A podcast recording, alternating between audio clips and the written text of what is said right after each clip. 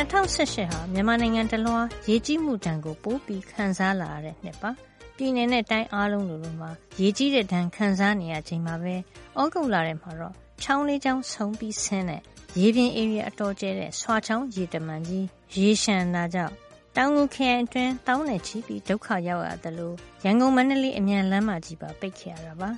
အခုလို ခံစားကြရတာဟာတဘာဝဝင်းကျင် ထိမ့်သိမ့်မှုနဲ့ဘလို့ဆက်နွယ်နေပါသလဲ ထိမ့်သိမ့်ရေးအင်ဂျင်နီယာ ဦးသိမ့်မော်ရဲ့အမြင်ကို ဒီတစ်ပတ်မှာ ပြောပြပေးမှာပါ မြန်မာနိုင်ငံမှာ အခုဆိုလို့ရှိရင် တော်တော်ရေကြီးရေရှမ်းပြီးတော့ ဒုက္ခတွေရောက်ပါတယ်ဆရာ အဲ့တော့အများဒီတဘာဝပတ်ဝန်းကျင် ထိမ့်သိမ့်မှု ညံ့ဖျင်းလို့လို့ ပြောပါတယ်ဆရာ ဆိုတော့ ဒီတဘာဝပတ်ဝန်းကျင် ထိမ့်သိမ့်မှု ကောင်းလာအောင်ပေါ့နော်မြန်မာနိုင်ငံမှာ ဘာတွေလုပ်တင်နေဆိုတဲ့ အချက်ကလေးတွေ အရင်စပြီးတော့ ပြောပြပေးပါဆရာ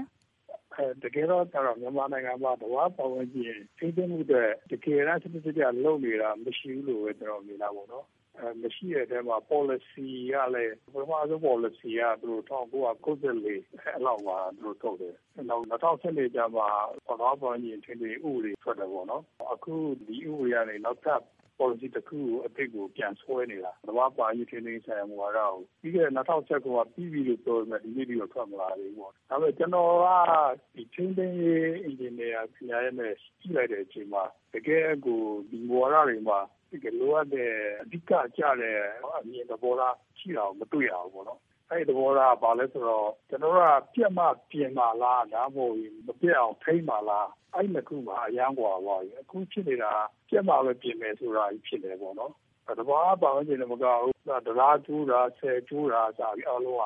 ပျက်မှပြင်မယ်ဆိုတဲ့ philosophy ထဲမှာပဲသွားနေတယ်။အဲဒီအတိုင်းသွားလို့ရှိရင်တော့သဘာဝပတ်ဝန်းကျင်နဲ့ပတ်သက်ပြီးဒုက္ခတွေကတော့ဆက်ပြီးဆိုးဆိုးဝါးဝါးခံစားနေကြရဦးမှာပေါ့နော်။အဲဒါကြောင့်မို့လို့ သဘာဝပတ်ဝန်းကျင်ကိုဘယ်လိုကောင်းအောင်စနစ်တကျထိန်းမလဲစဉ်းစားတဲ့အချိန်မှာနည်းလမ်းသုံးခုကိုတပြိုင်နက်တည်းပြင်းပြင်းထန်ထန်ဆောင်ရွက်မှရမယ်လို့ကျနော်မြင်ပါတယ်။ဟုတ်ကဲ့ပါဆရာ။ဆိုတော့အဲဒီတပြိုင်နက်တည်းလုပ်ရဖို့လိုအပ်တဲ့သုံးခုကဘာပါလဲဆရာအဲတော့အင်္ဂလိပ်လိုအားနဲ့သုံးခုလုံးကစားတယ်ပထမဆုံးကတော့ rain water harvesting ဆိုမိုးရေကိုရအောင်မိုးရေကိုထိန်းချုပ်ပေးရမှာပေါ့နော် ဒုတိယမီလန်ကတော့ကျွန်တော်တို့မြစ်ထဲမှာပို့နေတဲ့တဲနှုံးတွေကိုဖယ်ထုတ်ရမယ်မြစ်ထဲမှာရေအတွက်စီးရနေရရှိလာအောင်လုပ်ပေးရမှာပေါ့နော်အဲ့ဒါကတော့ run for the river ကိုခေါ်တယ်ပေါ့နော်ဆိုတော့နောက်ဆုံးတနည်းကတော့တမျိုးကြနီးဖြစ်တဲ့ reforestation လို့ခေါ်တဲ့တစ်ပင်တစ်တော်တွေပြန်ပြီးဖြစ်လာအောင်လုပ်တာပေါ့နော်။အဲဒီလမ်းတွေမပြောခင်ကျွန်တော်ကဒီသဘာဝပတ်ဝန်းကျင်မြန်မာမှာဖြစ်တဲ့သဘာဝပတ်ဝန်းကျင်ပျက်စီးတာတွေဖြစ်စဉ်ကိုကြည့်တဲ့အချိန်မှာကျွန်တော်မြင်တာကတော့ရုပ်တွေအနေနဲ့ပေါ့နော်။ ဘာဖြစ်နေရလဲဆိုတော့အမြင့်ပိုင်းကတဲမြေတွေက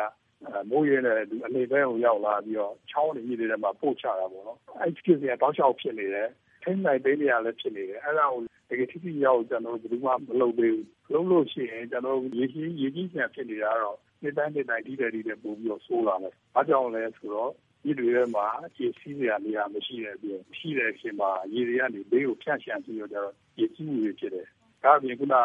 ရည်ရည်ကြောင်းလဲမှုကြောင့် ပူချိန်မြင့်လာပြီးတော့ဒီရေတွေထဲမှာရေငွေ့ထိတ်ထားတယ်လို့ရတဲ့အတွက်အချိန်မှာရွာချတဲ့မိုးရဲ့အတူတွေကလည်းအရင်ကပုံများလာတယ်။ရေတွေများလာတယ်မြစ်ထဲမှာနေရာရှိစရာနေရာမရှိရင်ဘေးကိုပဲဖြန့်စီပါပဲအဲဒီက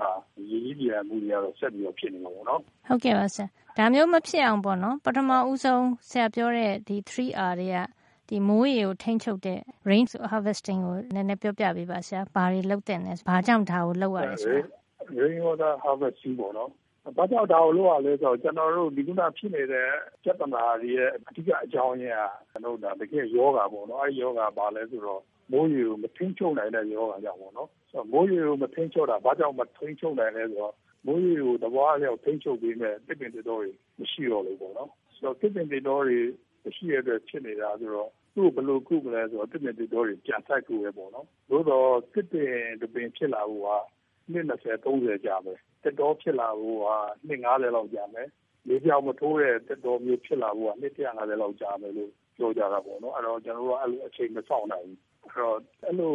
အချိန်မဆောင်နိုင်တဲ့အတွက်ဘာလို့ရမှာလဲဆိုတော့တစ်ပင်တွေအစာအလုံးလုံးပေးမဲ့နီလန်းတွေကိုရှာပြီးတော့ကျွန်တော်ကအသုံးချအောင်အဲ့နီလန်းကတော့ rain water harvesting မိုးရေကိုစုပြီးတော့ထိချုပ်တဲ့နီပေါ့နော်ဟုတ်ကဲ့ပါဆရာနီလန်းကတော့ room for the river ပေါ့ဟုတ်ကဲ့မြစ်မြစ်အတွက်ကိုစီးဖို့နေရာပေးရတာပေါ့နော်ဆရာဟုတ်ကဲ့ဟုတ်ကဲ့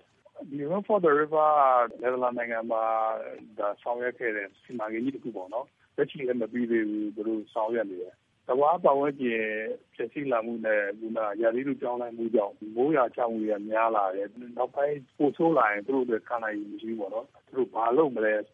စဉ်းစားတဲ့အချိန်မှာဒီမြစ်တွေနဲ့ယှဉ်တွဲပြီးအတူနေဖို့ပဲပေါ့နော်။ရေနဲ့အတူယှဉ်တွဲပြီးနေဖို့သဘာဝတရားနဲ့လိုက်လျောညီတွေနေဖို့ပဲရှိတော့တယ်ဆိုပြီးတော့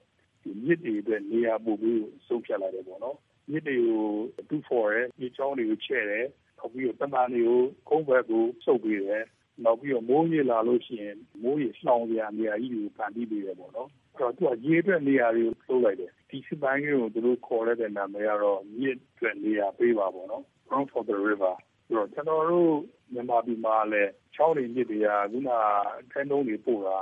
အရမ်းကိုဆိုးနေပြီအဲဒီအတွက်ဘာဖြစ်လဲမိုးမှာရေလျှံတယ်လေမှာရေမရှိဘူးဒီမြေကြောင်းထဲမှာသွားဖို့လာဖို့တော့အဆင်မပြေတော့ဘူးပေါ့နော်အဲ့တော့ကျွန်တော်ကမြေကြောင်းကိုပေါ်ပါရမယ် နောက်ဆုံးအားတော့အခုတမိုးရလုံနေတဲ့ဒီတစ်ပင်တော်တွေကို စိုက်နေတာပေါ့နော် ကျွန်တော်တို့ဒီမှာ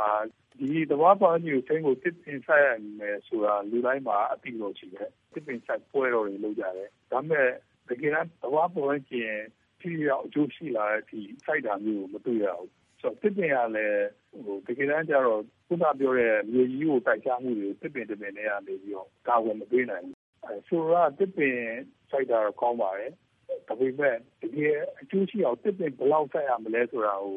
တဘာတဝမ်းပါပေါ့နော်တစ်ပင်စိုက်နေတဲ့လူတွေရှိတယ်သူတို့တွေအပင်တွေဘယ်လောက်ထိစိုက်ကြလဲကိုကြည့်ရတဲ့ချိန်မှာအနည်းဆုံးလူကအပင်1000